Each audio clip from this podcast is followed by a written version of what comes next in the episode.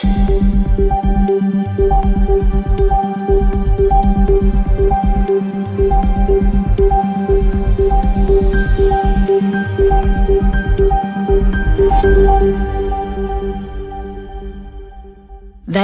tilbake til Krimnytt, en podkast for deg som ønsker å følge med på aktuelle true crime-saker. Og noen av sakene du hører her i Krimnytt, har du mest sannsynlig hørt før. Men det er nå en oppdatering i saken. Og to av de første sakene du får her i dag, det er eldre saker som det nå har skjedd en utvikling i. Mange husker sikkert denne tragiske saken som utspilte seg i USA i 2015. Det var på sommeren i 2015 da 24 år gamle Gypsy Rose Blanchard og hennes online-kjæreste Nicholas Goodjohn konspirerte for å drepe Gypsy sin mor Didi. Saken fikk raskt oppmerksomhet i hele verden, og i motsetning til andre drapssaker var det etter hvert Gypsy Rose som fikk folkets sympati, og ikke den drepte moren hennes. Gypsy Rose har nå fått godkjent prøveløslatelse tre år før tiden, og er straks en fri kvinne etter å ha vært i fengsel siden 2016. Etter at Gypsy og kjæresten hennes ble arrestert for det som først fremsto som et umotivert drap, begynte Gypsy å snakke og historien hun fortalte var hjerteskjærende. Gypsys mor Didi led nemlig av Munchhausen by proxy-syndrom, som er når mødre gjør sine egne barn syke for oppmerksomhet. Gypsy Rose ble født i 1991, da moren var 24 år og faren 17. Allerede da Gypsy var tre måneder gammel, hadde moren begynt å hevde at Gypsy led av søvnapne, og brakte henne i den anledning flere ganger til sykehuset. Hver gang kom testene tilbake som helt normale. Didi flytta etter hvert bort fra Gypsy sin far og alle hun kjente, og starta et nytt liv med Gypsy hvor ingen kjente henne. Etter hvert som Gypsy vokste opp, tilla Didi henne en rekke sykdommer og handikap.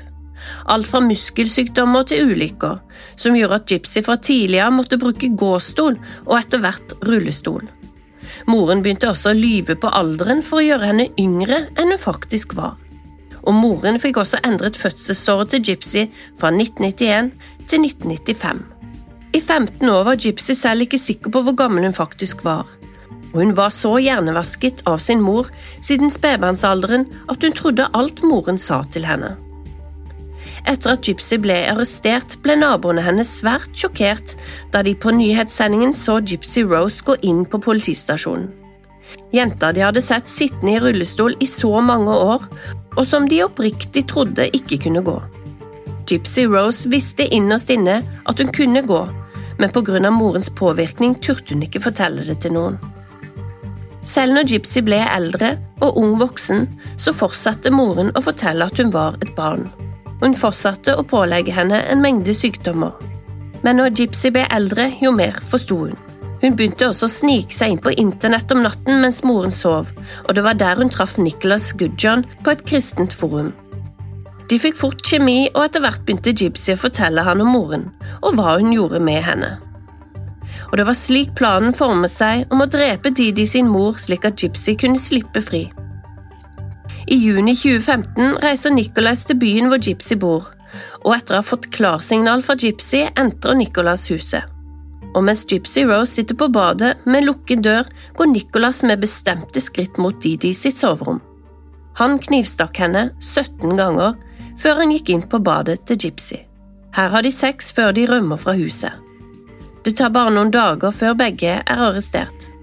Gypsy Rose sin historie vekker mange sympati og folk kunne forstå hvorfor det endte i drap, og at Gypsy i den forstand ikke var en kaldblodig morder, men en hjernevasket pike som hele livet hadde levd som syk mens hun egentlig var frisk, og blitt utnyttet av moren for at hun skulle få fordeler hele livet.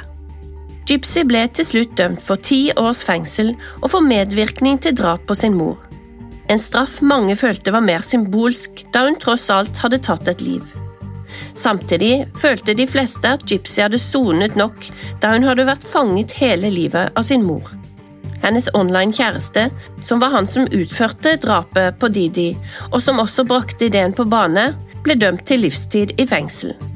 Domstolen mente han hadde hatt et særskilt ansvar for å skaffe Gypsy hjelp, fremfor å starte en konspirasjon om drap. I dag er Gypsy Rose forlovet med Ken, som hun begynte å brevskrive med i 2019. Og hun har i dag et godt og nært forhold til sin far og stemor. Så skal vi til en åtte år gammel sak. Crystal Rogers, en 35 år gammel fembarnsmor fra Kentucky, forsvant i juli i 2015. Og dette har vært en sak som har fått mye oppmerksomhet, da det ikke bare var Crystal som forsvant, men andre mystiske dødsfall og drap som fulgte saken.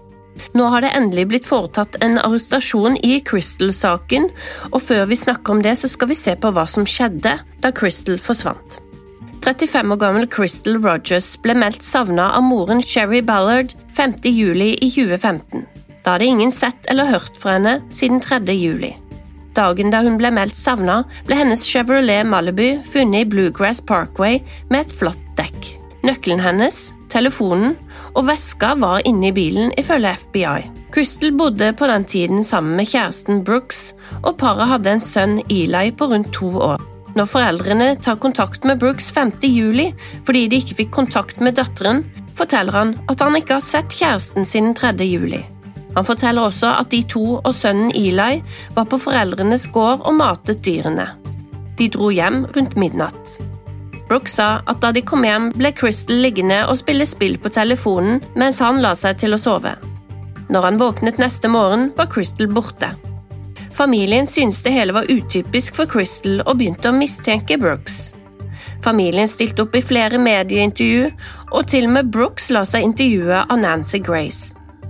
Der forteller han at han trodde Crystal hadde dratt til søskenbarnet, noe hun pleide å gjøre når de hadde kranglet. Dette var nok en ting han fortalte Nancy Grace i beste sendetid. Ifølge søskenbarnet hadde dette kun skjedd to ganger på tre år, og da hadde hun tatt med den yngste sønnen og vært der i toppen to timer.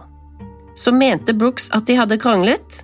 Det var iallfall ikke det han fortalte politiet. Politiet ga opp søket fort, og nå var det familien som igangsatte søk etter Crystal. Brooks deltok ikke i familiens søk, men uttalte til Nancy Grace at han var med på søk behind the scenes sammen med politiet. Mulig han mente broren Nick, som jobbet i politiet. I avhør setter han også Crystal i dårlig lys. Han mente at hun stadig var ute og festa med venninner, og at han var hjemme og passa barna. Så skjer det noe merkelig. Bare fem dager etter Crystals forsvinning brenner hjemmet deres ned. Om det var bevis i huset, så er det nå borte. Broren til Brooks, Nick, jobba i politiet, og når Brooks blir avhørt, så ringer han broren sin og sier han ikke bør la seg avhøre. Brooks avbryter avhøret, men han tar likevel en løgndetektortest som kommer ut inconclusive. Politiet synes også at Nick oppfører seg mistenksom. Nick gjennomfører også en løgndetektortest, og på spørsmål om han vet hvor Crystal er, så feiler han. I oktober så får Nick sparken fra jobben for å ha sabotert etterforskningen. Like etter blir Brooks utnevnt som mistenkt i saken, men ikke arrestert. Foreldrene til Crystal, Sherry og Tommy har aldri gitt opp å finne datteren. De har mistenkt kjæresten Brooks, og faren Tommy har etterforsket saken selv og satt på viktig informasjon. 19.11.2016 så tok 54 år gamle Tommy Ballard, Crystals far, hans 12 år gamle barnebarn med på jakt på eiendommen deres. Der blir Tommy skutt av en ukjent gjerningsmann, og det var barnebarnet som måtte ringe og fortelle bestemoren at Tommy var blitt skutt i brystet. Først trodde politiet at det var en jaktulykke, men videre undersøkelser viste at han var blitt skutt direkte i brystet, og det hele tyda på overlagt drap. Ingen ble tatt for drapet på faren, og heller ingen ble arrestert for Crystals forsvinning. Det vil si helt til nå i september i 2023, åtte år etter forsvinningen. Nå i september ble en 32 år gammel mann ved navn Joseph L. Larsen sikta for kriminell konspirasjon og for å begå drap og medvirkning til drap og for å tukle med fysiske bevis, ifølge Nelson County rettsdokumenter. Noen uker etter ble Brooke Hooks, Crystals kjæreste, arrestert. Etter åtte år er familien til Crystal letta. Men hva knytter Brooks til denne andre mannen, Joseph Lawson? Den 3. juli, da Crystal sist ble sett, fikk Brooks en telefon rundt klokka tolv på natta. Da var Crystal og Brooks på vei hjem fra foreldrene. Når etterforskerne spør hvem som ringte han, sier Brooks at han ikke var sikker. Politiet ringer opp det ukjente nummeret, og de kommer frem til en mann ved navn Steve Larsen. Brooks spør Steve hva de hadde snakket om, siden han ikke kunne huske det. Steve sier at han lurte på å leie en eiendom Crystal og Brooks hadde. Steve forteller at Brooks sa at han måtte ringe neste dag for å snakke med Crystal. Dette skurra for politiet, ettersom Brooks hadde fortalt at han og Crystal kjørte sammen hjem. Politiet konfronterer han med dette, og det er tydelig at han blir stressa. Det er uklart om Joseph Lawson og Steve Lawson har noe med hverandre å gjøre. Våpenet som drepte Crystals far, Tommy, skal kunne knyttes til Brooks bror Nick. Etterforskerne utelukker ikke flere arrestasjoner. Krimnytt vil følge saken. Det var alt vi hadde i denne ukas Krimnytt. Gå gjerne og besøk oss på Instagram under Krimnytt, eller hør lengre saker i Krimprat med Lise og Fiona. Vi setter også veldig stor pris på at dere tipser oss om aktuelle saker vi kan ta opp her i Krimnytt. Vi høres neste uke.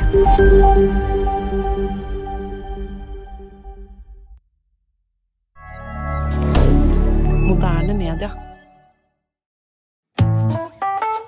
Har du et enkeltpersonforetak eller en liten bedrift? Da er du sikkert lei av å høre meg snakke om hvor enkelt det er å sende faktura med fiken. Så vi gir oss her, fordi vi liker enkelt. Fiken superenkelt regnskap. Prøv gratis på fiken.no.